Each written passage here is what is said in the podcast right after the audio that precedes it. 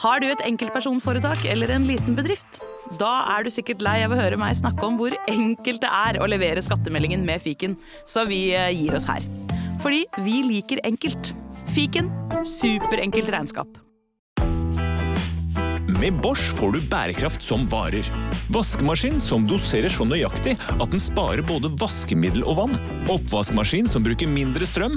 Og kjøleskap som gjør at maten holder lenger. Slitesterke produkter som verken sløser med vann eller energi. Sektoralarm presenterer Barn som lyver om nøkler. Jeg var ute og spilte fotball med gutta, og så la jeg nøkkelen i gresset, og så kom det en struts, da, eller en flamingo eller noe sånt, og bare tok nøkkelen, og så ble han borte, bare, nøklene og strutsen, eller spurven. Sikkert. Uansett, akkurat nå har Sektoralarm kampanje på boligalarm og dørlås med kode istedenfor nøkler, slik at barna alltid kommer hjem til en trygg bolig. Les mer på sektoralarm.no.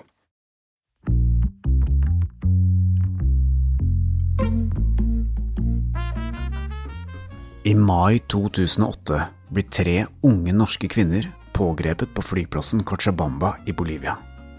Boliviansk politi hevdet at de hadde funnet over 22 kilo kokain i koffertene til de tre kvinnene. Ifølge norsk politi var de tre kvinnene blitt rekruttert av et omfattende internasjonalt narkotikanettverk. Politiet mener at nettverket har betalt luksuriøse ferier for jentene i bytte mot at de skulle ta med seg noe hjem i bagasjen. En av disse kvinnene er Stina Brendemo Hagen. Da hun ble pågrepet i Bolivia i 2008, var hun 17 år gammel. Hun ble dømt til 13 år i fengsel. Dette er Stinas egen historie, om hennes liv i kvinnefengselet i Bolivia og om hvordan hun ved hjelp av en hemmelig gruppering flyktet hjem til Norge med en nyfødt baby i armene.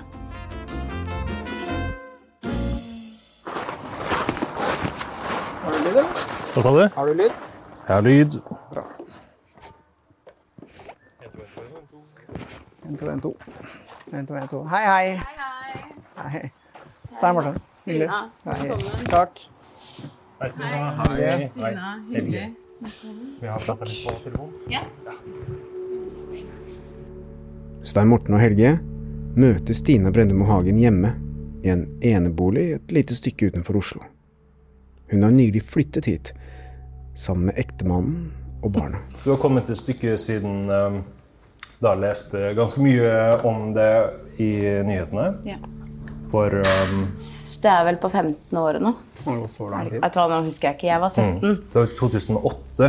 Men kan du ikke begynne med den dagen da dere ble pågrepet, da? Ja, da var jeg på flyplassen. Eh, Det var også første gang i livet mitt jeg så kokain. Det var den dagen. Eh, Jeg skjønte jo ingenting, fordi vi satt jo inne eh, på terminalen, er det det heter? Ja. Og så plutselig ble vi henta, og så Stina blir pågrepet på flyplassen sammen med en kvinne fra Lillesand som har ønsket å være anonym. Madeleine Rodriguez og Rodriguez sin datter på da ett og et halvt år. Rodriguez blir tatt til side, og Stina hevder at hun ikke forstår hva som skjer. Og da satt vi der. Jeg kunne jo ikke spansk, og dem kunne ikke engelsk. Og alle skjønner kokaina. Og da, jeg skjønte jo ingenting. Og Så var det masse folk rundt og reiv opp bagasjen og begynte å skjære i det og sånne ting. Og så gikk jo flyet. Og når jeg tenker tilbake, så tenker jeg jo Jeg skjønte vel noe da, når alle de folka sto der og skjærte. Men jeg klarte ikke å skjønne det. Stina påstår at de skulle på en ferietur for å møte faren til en av de to jentene. I disse episodene ønsker Stina kun å fortelle om sin egen rolle i denne saken, og hennes historie starter etter det påståtte smuglingsforsøket. Etter pågripelsen, idet hun blir presentert for sitt nye liv i kvinnefengselet i Bolivia. Når jeg tenker tilbake nå, så var det jo Det føles ikke ut som det er meg. Det føles som jeg har lest en bok eller sett en serie. eller liksom... Men jeg føler det på kroppen. Eh, Det var jo kjempeskummelt. Jeg var et lite barn, jeg var 17 år. Og ble kasta inn i et bitte lite fengsel som har mange, mange hundre mennesker i. Masse barn. Eh, og ingen kan norsk, ingen kan engelsk, ingen kan noen ting. Så det var, eh, det var en kjempeskummel opplevelse. Jeg forsto ikke at det var fengsel vi kom inn i engang.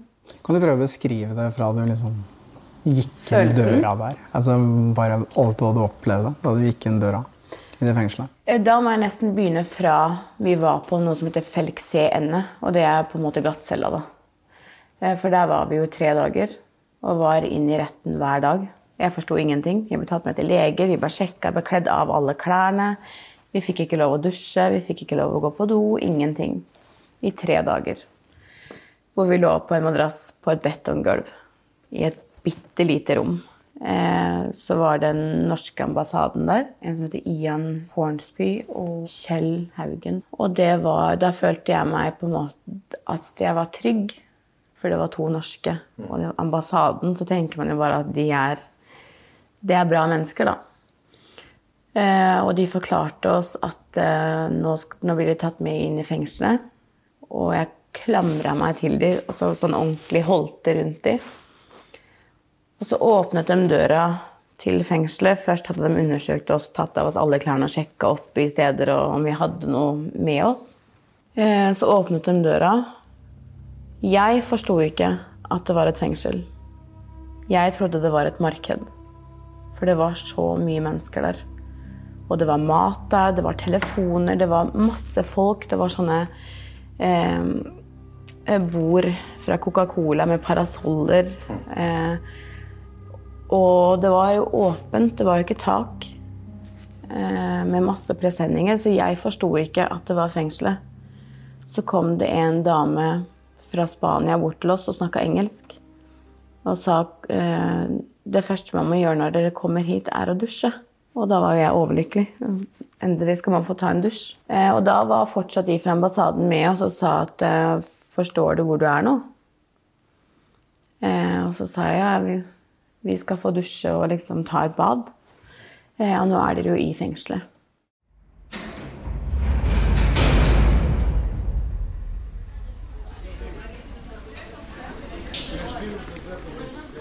Det jeg husker som førsteinntrykk, det stemmer ikke.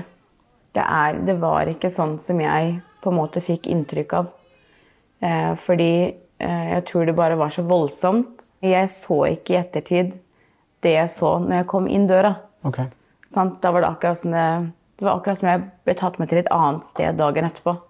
Men, men jeg er enig i det du sier, der, for jeg har også sett bildene fra dette fengselet, og det ser ut som om det er liksom en liten sånn landsby Ja. ute. Du, du har noen eh, damer som står og vasker klær der, og noen står og lager mat og sånn. Så Mm. Ja. det, det, ser ikke ut som et fengsel. Nei, det gjør ikke Det det. ser ut som en liten sånn bydel. Ja, for jeg, når jeg tenker fengsel, så tenker jeg gitter, hvor man sitter inne på en liten celle, hvor man ikke Hvor folk river i liksom gitteren og Litt sånn amerikanske Ja. filmer. Ja. Det var jo første gang jeg var i et fengsel, sant?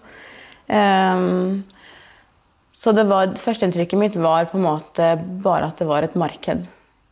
Alle dagene det bare gikk. Du var på du, jeg, vet, jeg kan ikke forklare det, men du var ikke der, men du var der, på en måte.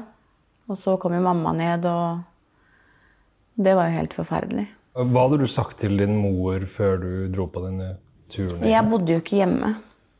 Nei. Eh, så jeg eh, Jeg husker ikke hvordan det der var. Men jeg tror det var ambassaden som ringte mamma, for jeg hadde prøvd mange ganger. Så broren min og mamma kom ned, da. Men jeg husker ikke helt uh... Men de fikk lov til å besøke deg i fengselet? Ja. Altså, det var besøk fra ni til tolv, og fra Hvis jeg ikke husker helt feil, så tror jeg det var fra ett eller to til fem hver dag. Eh, og det jo, koster jo ingenting for de fleste å komme inn. Mens våre familier måtte jo betale dyre dommer for å komme inn. Ok, Du skulle ha penger for å slippe dem inn? Ja. Og for at vi skulle få sove et sted, og for at vi skulle bli egentlig behandla bra. Eh, og fordi når ambassaden kom inn, de ser jo litt flotte ut, da. Så de trodde jo kanskje at her kom det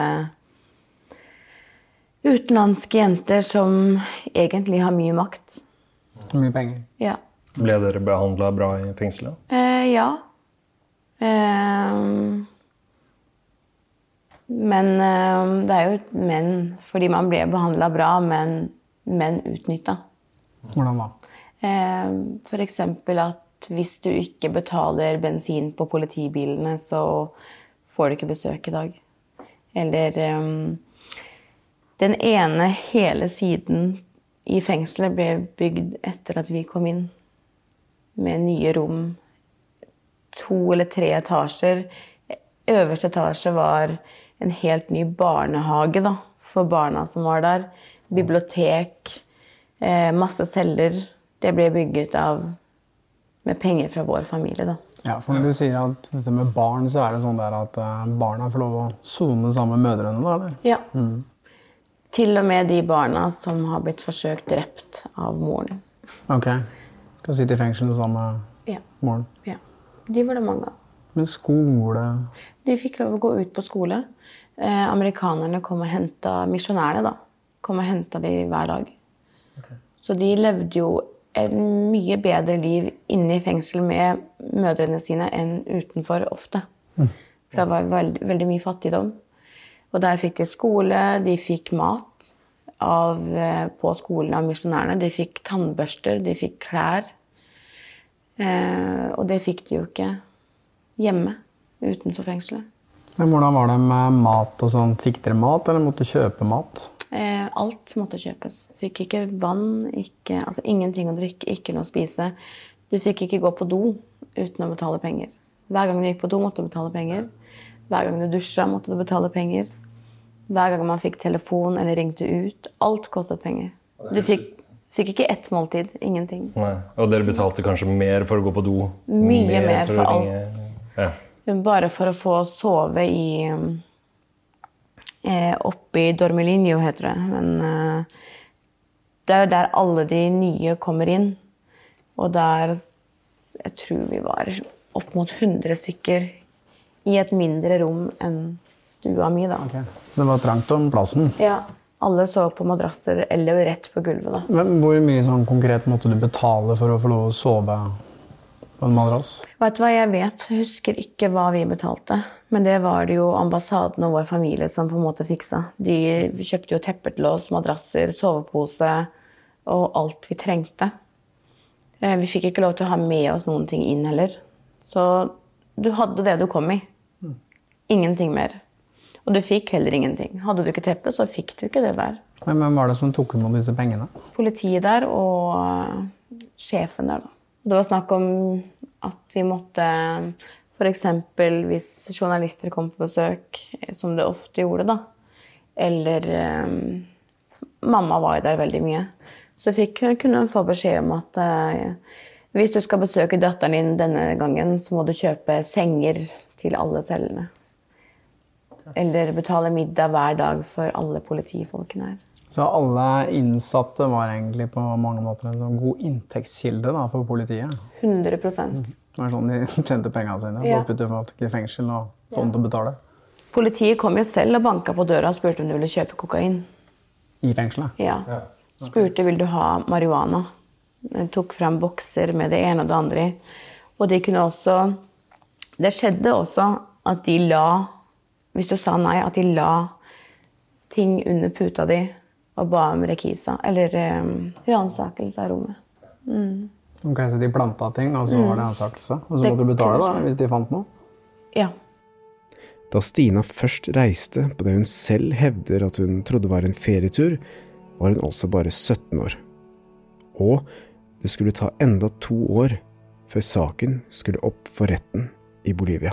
Hvordan var det som 17-åring å komme inn, inn i det her? Hva, hva tenkte du da du la deg til å sove der og du innså For, for du fikk jo en dom på 13 år, som den ble senere omgjort til 10. Men, men da du liksom starta på denne soninga, da du innså at du skulle være i dette Cochabama-fengselet i Bolivia i mange, mange år Eh, akkurat da så følte jeg ikke så veldig mye, for jeg var jo gravid. Eh, og hadde allerede gått inn i en ekstremt dyp eh, depresjon. Da føler- beklager hvis jeg begynner å grine. Nei, Altså. nei, nei, men da, da føler du masse, da. Ja, men jeg var eh, veldig suicidal. Ok. Jeg var eh,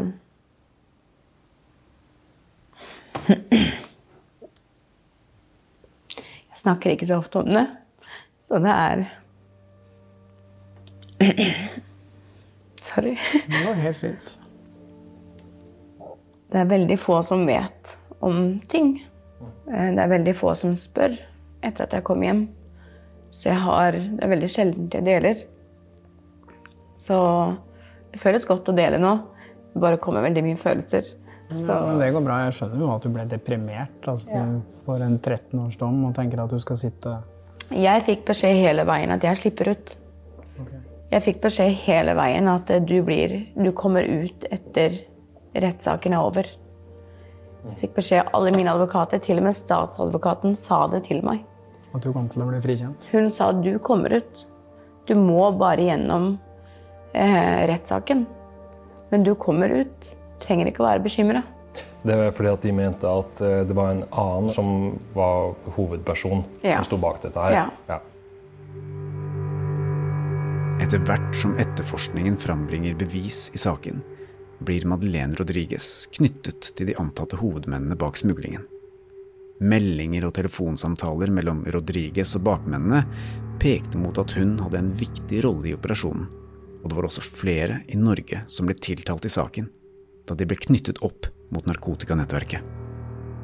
Den tredje kvinnen som ble pågrepet i Bolivia, kvinnen fra Lillesand, ble løslatt mot kausjon og klarte å rømme fra Bolivia to år før dommen hadde falt i saken. Hun ble tiltalt for kokainsmugling i Norge, men senere frikjent i lagmannsretten. Og jeg var jo og snakket med dem flere ganger. Det her har aldri kommet ut før, bare så dere vet. Jeg sier det nå. Jeg snakket jo med eh, eh, statsadvokatene flere ganger. Eh, og hun ene, som heter Claudia, hun sa at eh, du kommer til å slippe ut. Og det kan vi garantere. Eh, og eh, i rettssaken da så fikk jo jeg sjokk når de eh, sa at de ville ha 15 år på meg. Da svimte jo jeg av. Ja, for de sier først til deg at uh, de tror på at du er skyldig, og at du kommer til å Ja. Men hvorfor skal de gjøre en retts... Hvorfor skal de da ta ut en tiltale i det hele tatt, hvis de mente det? Vet du hva, jeg har ingen anelse. Jeg, jeg trodde på alt de sa hele veien. Så det var egentlig bare løgn, da. Alt var løgn hele tiden. Alt var pengesluk av advokater og alt sammen. Og det her er jo ting jeg har funnet ut i ettertid. Sant? Jeg var jo ekstremt godtroende. Eh, vi har, altså jeg ble lurt, Du var 17 år. og jeg ble lurt altså jeg, i hvert fall 100 ganger av advokater. Jeg tror jeg hadde 26 advokater bytte Ja. mens jeg var der. Og alle skulle jo ha sin sum. Og det var jo ikke små summer heller. Det var liksom Hvordan opplevde du denne rettssaken? Eh, jeg, jeg var jo egentlig ikke meg selv, for jeg tenkte jo at eh, Det var veldig sånn jeg, jeg var egentlig litt sånn norske mennesker, for det var fullt opp av journalister. Så jeg sugde jo liksom til meg eh, å få, få snakke norsk med de.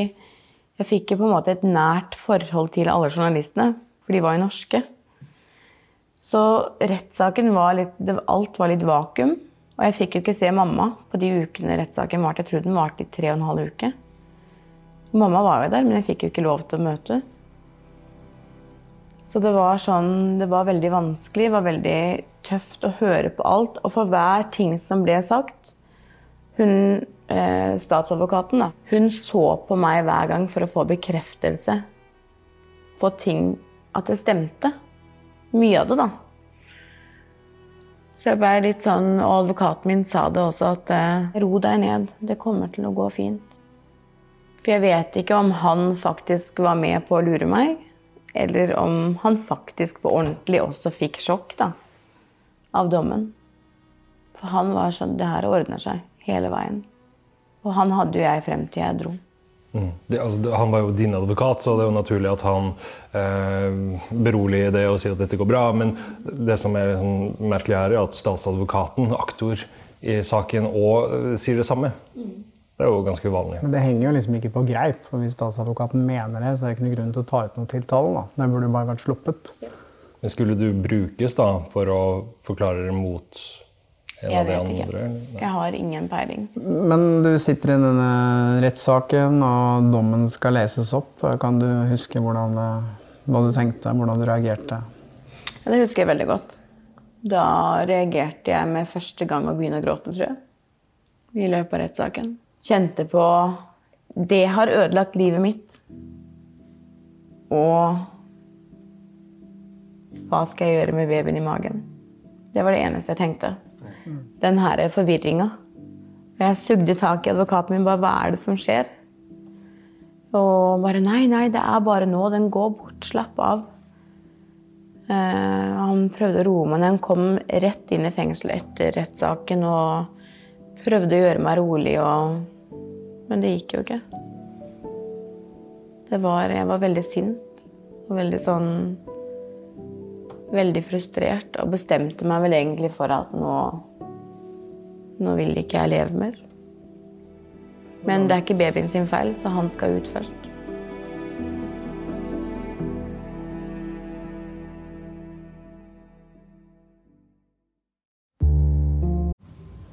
Som er så fint med podkast, det er jo at du kan høre på samtidig som du gjør noe annet. da Rydder i kjelleren eller boden, f.eks.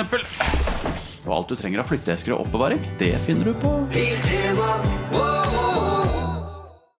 Sektoralarm presenterer Barn som lyver om nøkler.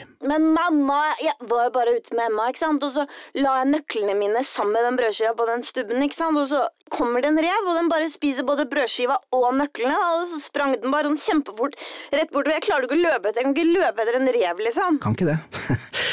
Akkurat nå har Sektoralarm kampanje på boligalarm og dørlås med kode istedenfor nøkler, slik at barna alltid kommer hjem til en trygg bolig. Les mer på sektoralarm.no.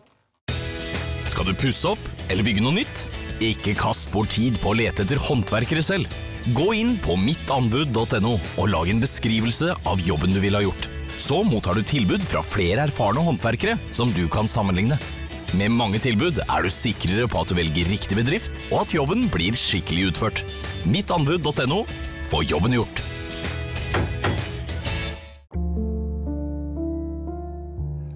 Det, det som man er veldig nysgjerrig på, og du får velge selv, da, men du ble gravid inne i fengselet. Kan du fortelle hvordan det Jeg skjønner hvordan det gikk til, men Jo.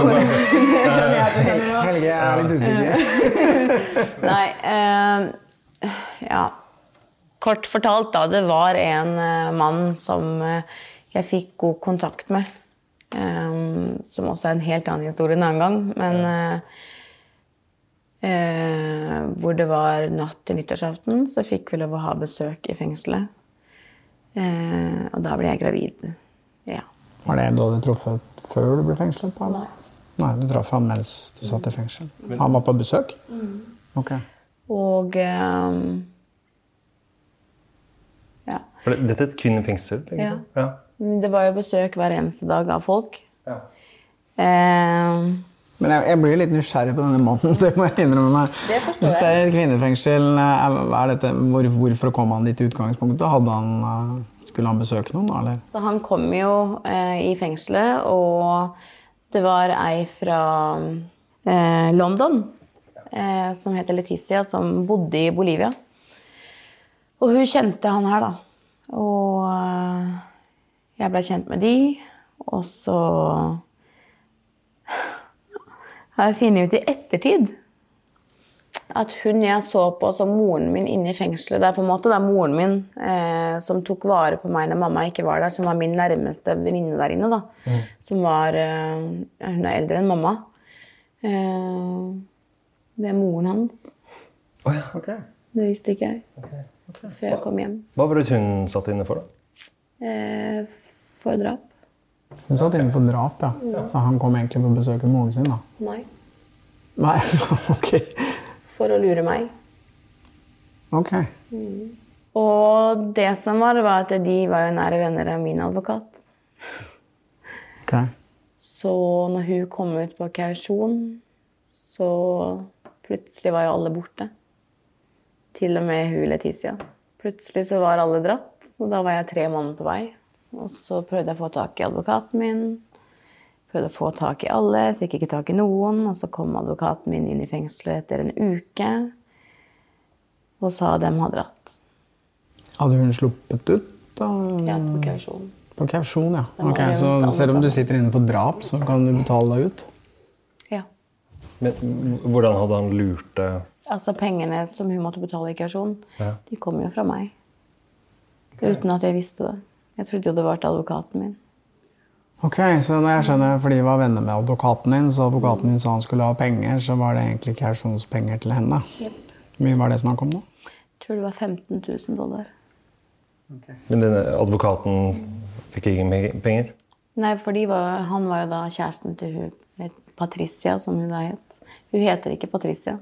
Har jeg funnet ut etter. De heter Maria del Carmen. Ok, Så din advokat var med på det her? Ja. Men da, men da lurer jeg på en ting, for hvis du kan kjøpe deg ut for drap, var det ikke mulig å kjøpe deg ut da? Jo. Hvor mye kosta det? 400 000 norske kroner. Fordi du var fra Norge, så var det litt dyrere, var det sånn? Ja. Det var veldig vanlig å få en kausjon på kanskje 1000 dollar. Ja. Maks. Eller 500 bolivianos. Eller liksom Jeg tror det dyreste, eller høyeste kausjonen jeg hørte om der, tror jeg var på 20 000 bolivianos, kanskje. Hvor mye penger er det? Det er kanskje 15 000 norske kroner. Det er jo ikke bare den kausjonen. Det er jo alle de andre pengene før også. Ikke sant? Det er jo ekstreme summer. Det er mye penger som har eh, gått til aner ikke hva. Ja, du sa jo, nevnte jo noe av det. Egen barnehage og en egen fløy. Mm. Gå på toalettet, få lov å sove, få mat, drikke. Pluss at du måtte jo gjøre oppgaver i, i fengselet, da. Og så kom jo ofte politiet og f.eks. hvis vi skulle ut på høring, noe vi ofte var på, eh, så sa de at da må du betale for maten til alle politiet, eller gjøre betale noe inne i fengselet, eller koronellen sier at hun vil ha middag i dag, eller vil ha en kake, eller at du må De brukte veldig ofte det her madrina, eh, gudmor. Eh, for det var veldig ofte fester. Det er veldig masse fester i Latin-Amerika. Eh, at du må være madrinaen for eh, festen i dag. Så da måtte vi betale hele festen. Altså, hele fengselet. Arrangør, eh, Ja. Ja. Være madrina er liksom en spesiell rolle. Og det er de veldig flinke til å gi til utlendinger. Så hvis du sier nei, så får du jo da problemer resten av oppholdet ditt. Hva slags Da får du ikke noe Du blir ikke bra behandla. Du blir eh, Du får skylda for mye, du kan få straff. De kan si at rommet ditt ikke er rydda og vaska, eh, at ikke håret ditt er gredd riktig. Um, ja. At du ikke har gjort ting som du skal, da. Men du kan jo betale deg ut av alt, da. Absolutt alt. Men Kan du ikke fortelle hvordan var liksom en vanlig dag i fengselet? Fra start til uh, du gikk og la deg på kvelden? Vi måtte stå opp, og det var eh, eh, oppstilling Jeg tror det var halv ni. Eller åtte. Åtte eller halv ni. Eh, da måtte vi ha vaska rommet. Eh, redde opp senga, og alt måtte være fint. Og du måtte ha dusja og ordna håret. Og håret skulle være helt strigla med kam. Føles som førstegangstjeneste. Ja, nesten litt sånn. Og så skulle være, alt skulle være rydda i fengselet før oppstilling. Og måtte stille i rekke og rad fra den, den som har vært der lengst, til den som har vært der kortest tid. Da. Og da sto vi der, og så måtte de rope opp. Ofte sto de og snakka og fortalte om noen som hadde gjort noe galt, eller et eller annet. Eller fortalte om ting som må gjøres. Eller at vi kanskje hadde behandla oppført oss dårlig. Og da ropte de opp eh, etternavn, og så måtte du si 'presente', at du er her. Og så begynte de vanlige oppgavene. Eh, først frokost, og noen gikk til jobb og vaske klær til Det var jo på en måte et vaskeri. Så folk kunne komme og levere klærne sine. Og så kom du og henta de dagen etterpå, for da var de vasket og stryk, de hadde stryket klærne og Ja. Ja, så, så folk utenfor murene Ja. kunne brukt det fengselet som vaskeri? Ja. mm. Så de innsatte tjente penger. Mm. Eh, for du trengte penger til alt. Sant? Eller du kunne strikke. Du måtte gjøre noe. Så enten strikke eller, eller lese, altså lese bøker. Eller eh, lære deg å skrive og lese. Eller være med på kurs som ofte de frivillige kom og hadde. Eller gudstjenester som var eh, veldig ofte. Så var det jo spise frokost, få besøk. Når mamma var der, kom hun alltid på besøk hele dagen. Eh, og så oppstillingen på kvelden og legge seg. Sånn gikk dagene hver dag. Og telefon hjemme fra Norge. Ringe ut. Eh, ja, prøve å unngå å få problemer med noen. Bli paranoid. Hvordan var det å prate med mor hjemme da, når du satt der på andre sida av jordkloden? Det var tøft. Jeg følte meg veldig alene. Mm. Jeg var livredd. Kunne ikke språket. Eh, man fikk jo høre hva folk satt inne for. Eh, liksom folk som drepte hele familien sin, eller naboen min som prøvde å drepe barnet sitt fire ganger, og så satt han inne med henne. Og har blitt multihandikappa, men allikevel så var han der. Eh, Han? Ja. Han, når han hadde blitt frisk på sykehuset, så ble han satt inn med moren sin. Og andre naboen hadde kokt barna sine i en kjele fordi de gråt. Og liksom, det var jo Det er jo helt umenneskelig for en 17-åring å oppleve. Du blir jo ekstremt paranoid. Jeg er veldig redd, men samtidig som du prøver å være blid, snill. Men jeg mista jo meg selv den dagen jeg ble satt inn. Jeg husker ikke mye før Bolivia. Det gjør jeg ikke. Var det tøft miljø? Var det sånn gjenger? Det var ikke gjenger, men det var liksom Du, du visste at de er sjefen her. Du går ikke over de. Eh, og det er eh, spesielt ei, da, som har vært mer i fengsel enn utenfor fengsel hele sitt liv. Eh, og hun eh, Hun var sjefen. Og hun Hun fikk det sin vei uansett. Men hva skjedde hvis man ikke innordnet seg da? det skjedde ikke så mye. Det var heller den her følelsen du fikk av at du ikke var verdt noe. At du ble, du ble fryst ut. Okay. Og jeg var jo veldig mye alene. På slutten så var jeg bare alene. Jeg var sint og var alene. Jeg hadde jo også en veldig tung fødselsdepresjon. Så ting som ikke var der. Som gjorde at eh, mitt mål var jo å få barnet mitt trygt. For jeg visste at selv om jeg ikke var tilknyttet han, så visste jeg at jeg var syk. At det er ikke normalt. Men jeg vil ikke leve lenger. Jeg vil bare ha han hjem. Men samtidig så var jeg desperat etter å komme hjem. Så jeg angrer ikke på at jeg rømte. Men mens jeg rømte, så tenkte jeg at jeg vil at noen skal hente sønnen min. Jeg vil ha han hjemme trygt. Mens, og jeg ville jo hjem, men en stor del av meg tenkte og håpa at jeg håper det går galt. Jeg håper jeg dør. Så jeg slapp å gjøre det selv.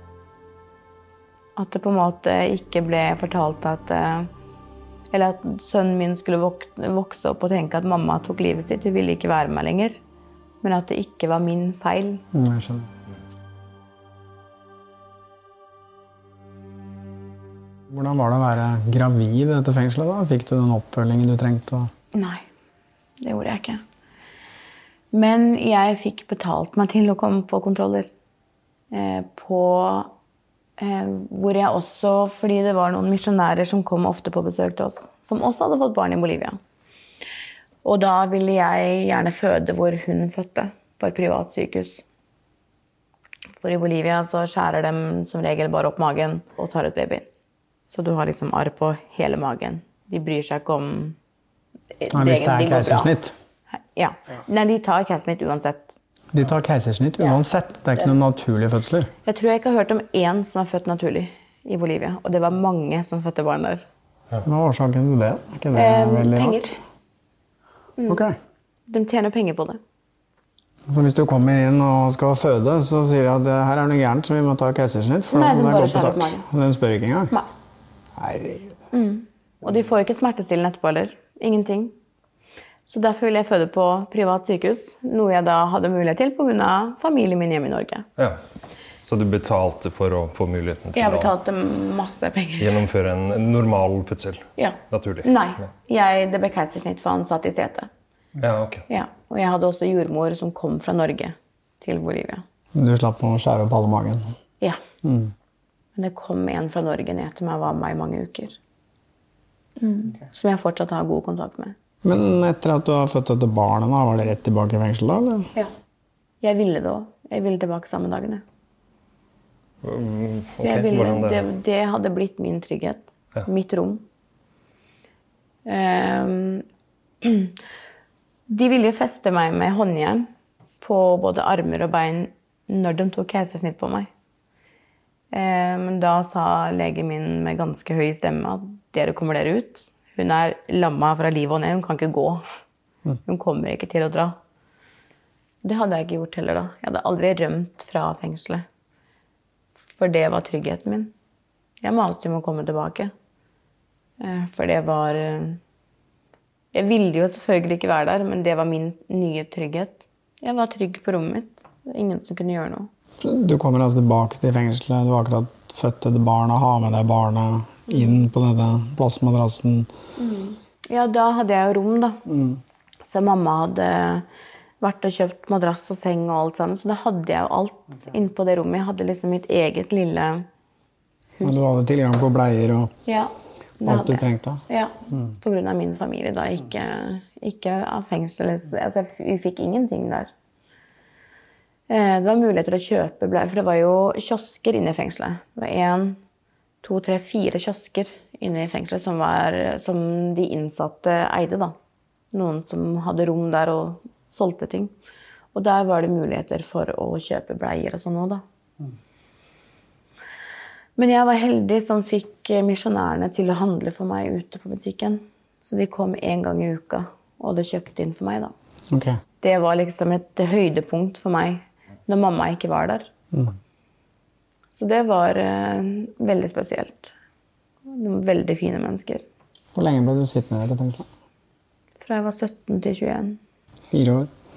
Og og hvordan var det å ha en liten baby inne i dette fengselet? Mm, Det var ehm, Jeg tenker tilbake på at det var veldig mye fint. Det var han som på en måte holdte meg i livet. Hadde jeg ikke hatt han, så hadde jeg ikke levd. Og det er 100% sikkert. Det hadde jeg ikke gjort. Ehm, Men jeg var i en veldig tung depresjon med fødselspsykose. Men jeg var også klar over at jeg var syk. Så jeg visste at det ikke var normalt, de følelsene jeg hadde. Så jeg visste jo at en del av meg var jo Jeg var jo glad i han, men jeg følte det ikke da. Og, men jeg var så bevisst på at han skal få kjærlighet av meg, selv om jeg ikke føler det. Eh, og det var tøft. Veldig tøft. Fordi jeg glemte henne av og til. Jeg kunne snu meg, og så, jeg skvatt, for det var en baby der. Og så bare Å ja, men det er sant, det er jo min unge. For det som skjedde når de tok keisersnitt på meg Jeg hadde sett frem til å føde et barn. Naturlig. Å få han rett på brystet, som man hører om og sett på film. Og den her enorme kjærligheten man føler for barnet sitt. Jeg kunne ikke vente med å kjenne det i, altså i alt det vonde, så skulle det komme noe godt. Eh, det fikk ikke jeg. De skjærte opp magen min, de tok noe foran ansiktet mitt, så jeg fikk jo ikke se han. Jeg fikk ikke se han før han hadde klær på. Og for meg ble det helt feil. Så jeg begynte å spørre mamma hvorfor lurer dere meg? Hvorfor har dere lagd et sår i magen min, og så gir dere meg en baby? Dette er ikke min. Han er ikke min i det hele tatt, og jeg vet jo at jeg er gal nå. Det hjelper meg ikke hjem. Men så visste jeg at jeg var jo helt gal i hodet. At det var feil det jeg tenkte. Og så var jeg jo retten to dager etter jeg hadde født han. Og fikk dommen min. To dager etter at han var født, så var vi, eller dagen han var født, så kom jo noen fra eh, rettslokalet for at jeg skulle signere på papiret at jeg kom til å møte opp den dagen jeg fødte. Så det var Alt var et stort kaos. Kom i fengselet, prøvde å være mamma i, i lang tid og merka at jeg bare gikk mer og mer ned i kjelleren. Og fortalte til folk jeg snakket med på telefonen, at eh, noen må hente han. Ikke fordi jeg ikke vil være med han, men fordi jeg klarer ikke mer. Jeg kan ikke leve lenger. Jeg orker ikke mer.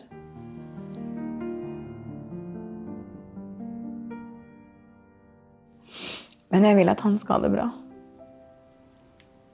Og da begynte jo folk å skjønne alvoret. Og begynte å sette i gang eh, prosessen med å få meg hjem. Og det tok jo nesten et år før, eh, før jeg rømte, da. Fra det ble satt i gang.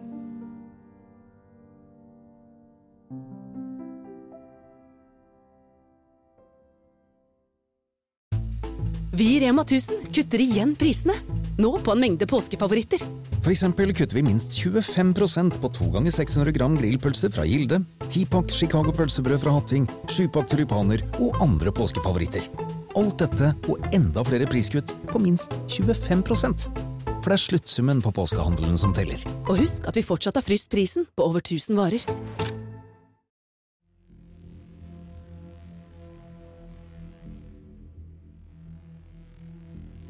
Situasjonen til Stina begynner å bli kritisk. Hun lider av sterk fødselsdepresjon etter å ha født en sønn i fengselet. Hun er suicidal og orker ikke mer. Hjemme i Norge har det blitt satt i gang en prosess av en hemmelig gruppering for å få Stina ut av Bolivia og hjem. Da kom jeg ut på kausjon. Jeg visste jo at jeg skulle ut på kausjon for å rømme. De som skulle hjelpe meg hjem, var allerede i Bolivia. Eh, Så jeg visste jo at jeg er ikke her lenger. Men jeg visste ikke hvilken dag, visste ikke hvordan, visste ikke hvem jeg skulle møte. Jeg hadde ingen peiling på noen ting.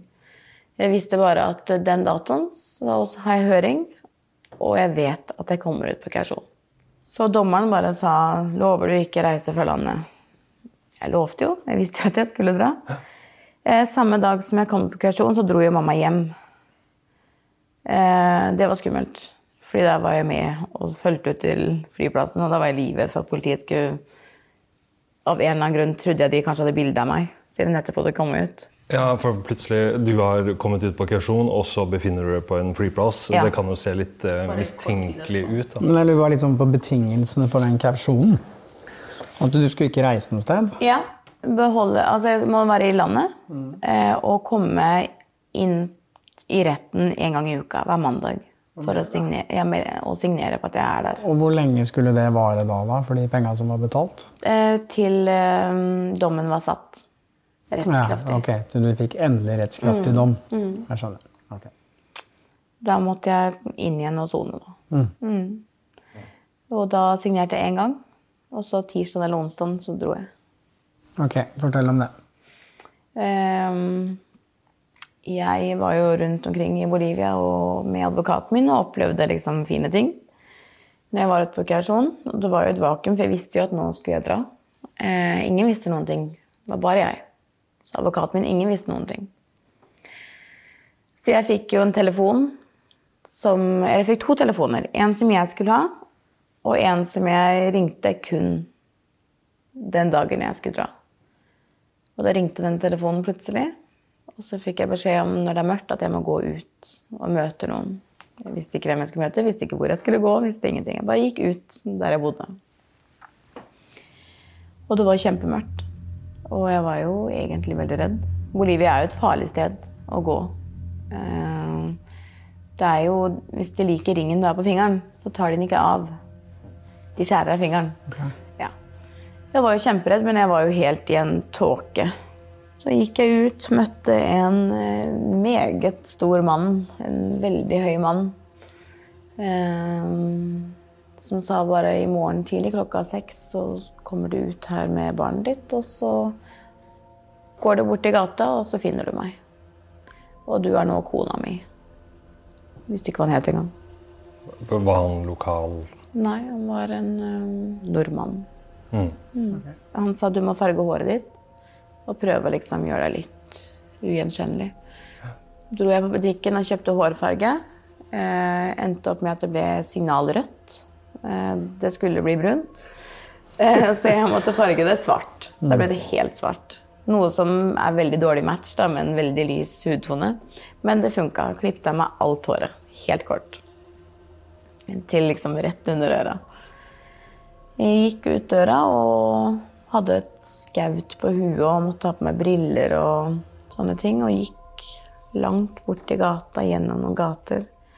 Og der sto han som da er min ektemann. Som vi, skulle, vi var rike mennesker som skulle på backpackertur med barnet vårt. da. Og da sto det en sjåfør der, og han, og så bare kjørte vi. Han tok telefonen min og smadra den og kasta den. Ok, Hvor er det dere kjørte?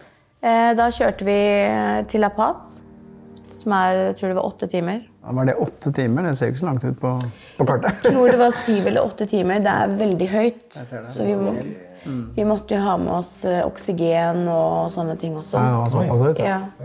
Og føttene våre hovna jo sånn opp, så vi måtte liksom ta av lissene på joggeskoene. Det var kanskje ikke kjempefine veier, eller? Nei, det var det ikke. Men eh, veldig synd. Jeg, jeg hadde med meg kamera. Jeg aldri, fikk det aldri tilbake. Jeg skulle virkelig ønske at jeg hadde det. Eh, men det var veldig fint der. Men jeg Det var veldig rart, for jeg var ikke til stede. Det var som jeg bare var der. Jeg var ikke redd. Jeg var ikke Følte ikke på noe spenning. Hadde ikke adrenalin. Ingenting. Det var som jeg skulle tatt masse beroligende og bare var helt kul. Du fikk ikke tilbud om noe beroligende. Ingenting. Jeg var helt kald. Jeg var iskald. Vet du hvor det kom ifra? da? Jeg har ingen peiling. Jeg tror det var at jeg var helt likegyldig. Jeg tror det var også det her at jeg håpa egentlig at kanskje ikke skulle gå bra. At det um, Jeg hadde ikke noe livsgnist igjen. Noen ting i det hele tatt. Jeg, var, jeg følte meg litt død. Ja, du var deprimert. Du var egentlig var helt flat ekstrem. følelsesmessig. Mm, jeg var helt borte. Jeg var ikke redd et eneste sekund. Når vi kom til La Paz, så sto det jo Jeg tror det var mellom 20 og 30 narkopoliti der. Jeg snakket med dem. Som om ingenting. Jeg rømte for noen timer siden.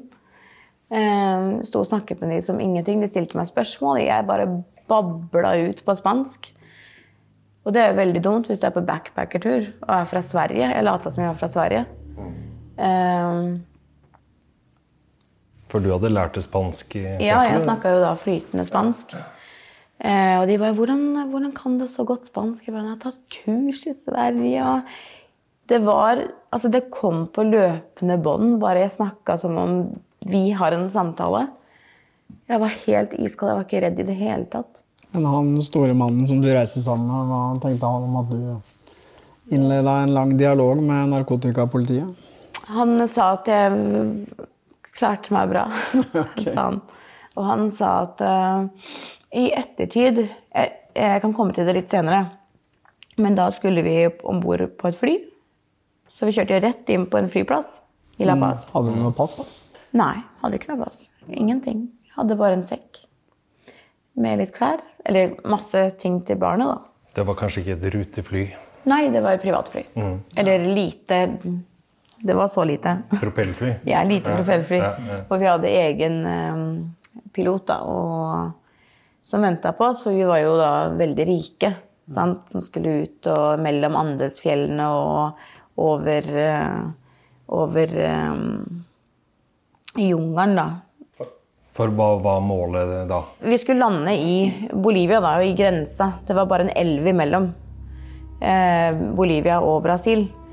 Eh, jeg skulle lande der og være der til dagen etterpå. For det er sånn der, eh, overtro at de kjører ikke over De krysser ikke elva på kvelden på grunn pga. overtro. Da, så det må Ja. man respektere. Så det var ikke aktuelt å fly ut uh, av landet? Nei, for da blir det sikkerhetskontroll. Ikke sant. Sånn?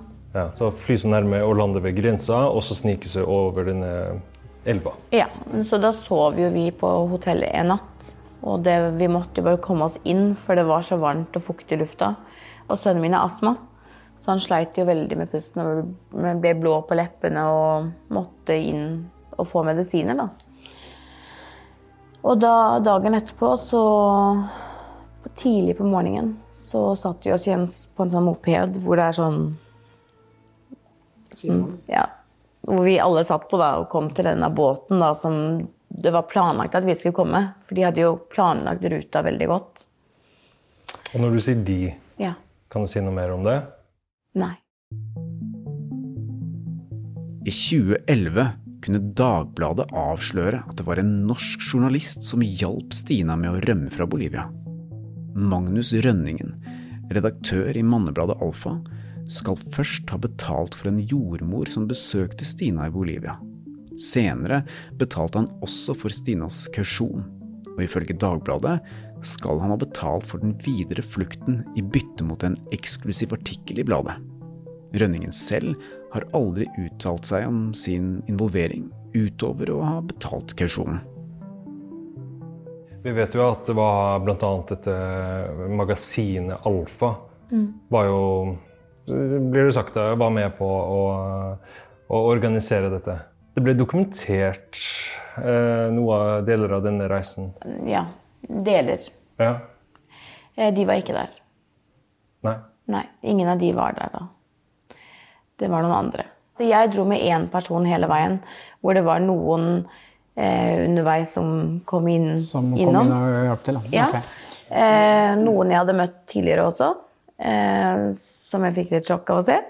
Eh, og møtte på noen folk underveis som Ok, Men så, så kommer du til den der grensebyen, skal over den elven. Ja. Men er det ikke noe grensekontroll mellom eh, Bolivia og Brasil der, da? Ikke som jeg fikk med meg. Mulig det var betalt. Eh, Jeg vet ikke. Det eneste jeg vet, var at det var én med oss i bilen, og så var det én med oss eh, på flyet, som da sa ha det ved båten. Når vi kom over bord i båten, så fikk jeg beskjed at noen venter på andre siden.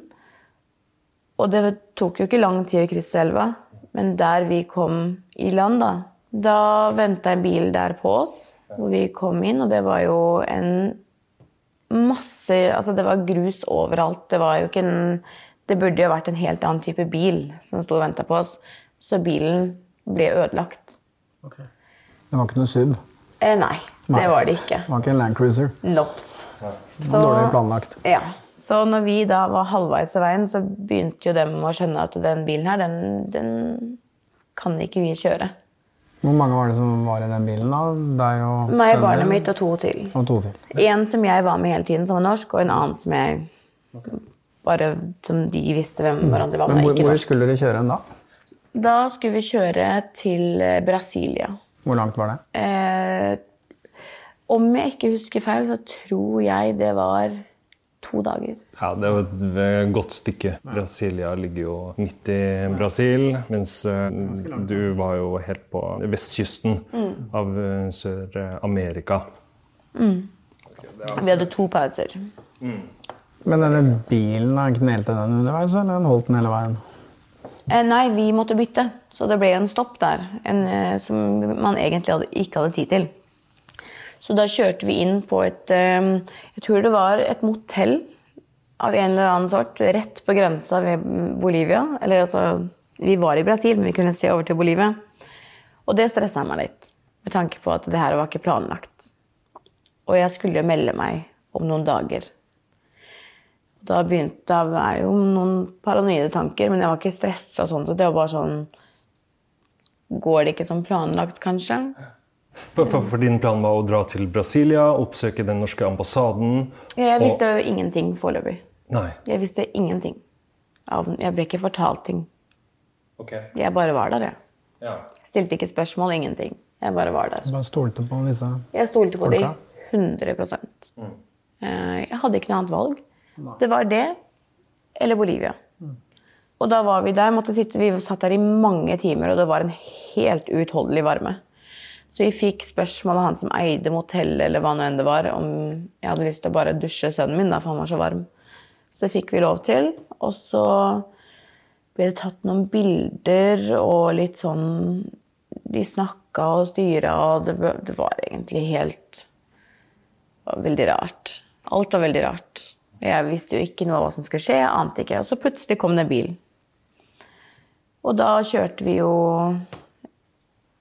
to dager, tror jeg det var, hvor vi kjørte. Vi hadde et par stopp bare.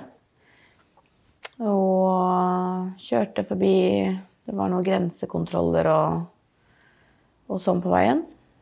Og politiet så på meg, og, og jeg bare det var, det var som jeg ikke var til stede. Det bare skjedde. Ja. De så en eh, svensk backpacker Ja. Med et, eh, en liten baby. Det høres ikke veldig sånn Ingen som gjør det. Nei. Ingen som drar på backpackertur med nyfødt barn. Nei, og øh, han skulle jo være da far til barnet mitt. Ingen likhet. Nei. 100 Nei. ingen likhet. Men øh, de, alle trodde jo på det. Sant? For faren til eh, gutten som du fødte i fengselet, var fra Colombia. Mm. Mens eh, den personen som du nå rømte med, som skulle liksom være faren, han var fra, fra Norge. Han var like hvit som meg. Ja. Sønnen min var jo veldig lys i huden, men han hadde jo brune øyne, øh, øyne og vi begge hadde jo blå øyne. Ja, der er det et land som ikke stemmer. Der er det noe som skurrer. men men eh, du, du sa du ble stoppa noen ganger, og det var kontroll osv. Du skulle ikke sende pass da? altså? Nei. Ingenting. Ikke noen dokumenter. Hvor lang tid brukte dere på å komme dere til eh, Brasilia? To dager tror jeg det var med bil. Vi kom fram til Brasilia. Stoppa rett utenfor ambassaden med en gang. Så fikk jeg beskjed om å dra frem papirene mine og gå og ringe på. Og da spurte jeg han du, er du helt sikker på at vi skal det her. For jeg føler at det er en veldig dårlig Det er et veldig dårlig valg. Fikk en veldig dårlig magefølelse på at det her er ikke smart. Og da sa han jo, men det, det må du prøve. Da spør jeg, men om det ikke går, hva skjer da? For jeg sa jeg får ikke pass. Det vet jeg. Og da sa han at men vi må prøve. Eh, og jeg sa det, jeg vet at det, det er dumt. Melder ikke de da at jeg er her? Når jeg kommer og sier at jeg heter Stina Brende Magen, jeg er rømt fra Bolivia. Melder ikke de det da til Bolivia?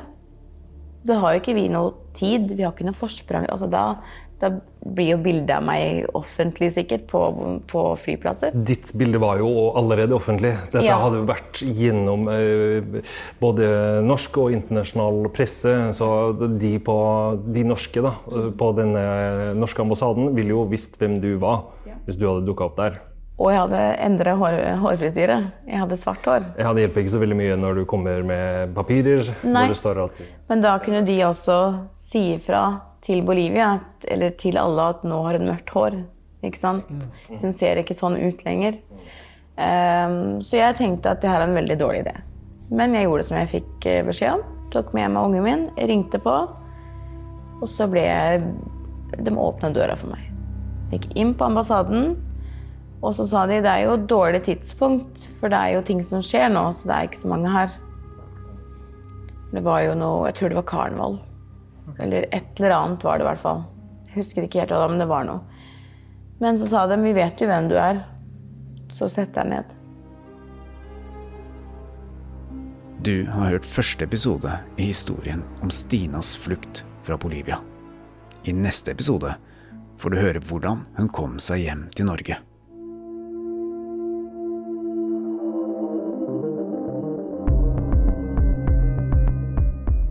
Avhørt har mottatt henvendelser fra Madeleine Rodriguez sin søster, som sterkt motsetter seg visse påstander som blir fremsatt mot sin søster, som fortsatt sitter fengslet i Bolivia.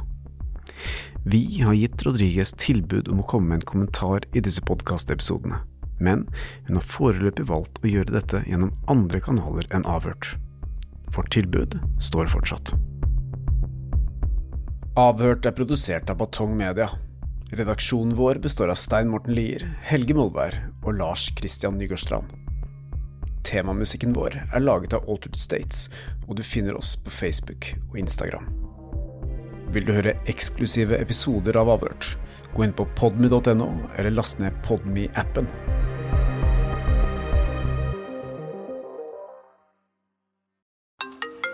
Nei, men er det ikke selveste Larsen som ringer, da? Hvordan går det? Jo da, det kan ikke annet enn å klage, si. Ja, Hva er det du lurer på i dag, da? Nei, eh, eh, jeg bare tenkte på eh, Ja, hva tenkte du på? den fakturaen som har forfalt. Å ja, den ja. Å, å, jeg må rett og slett bare ha glemt den fakturaen. Skal Visste du at åtte av ti betaler etter første purring? Ikke vent for lenge. Med Amili, en ny løsning fra Visma, får du alt du trenger for raskere betaling. I én komplett løsning. Se hvordan på amili.no. Vi i Rema 1000 kutter igjen prisene, nå på en mengde påskefavoritter. Du får for eksempel minst 25% priskutt på appelsiner i løsvekt, familiepakning med vaffelmiks fra Toro, 10-pakk Rieger kakao fra Freia og andre påskefavoritter. Alt dette og enda flere priskutt på minst 25 For det er sluttsummen på påskehandelen som teller. Og husk at vi fortsatt har fryst prisen på over 1000 varer.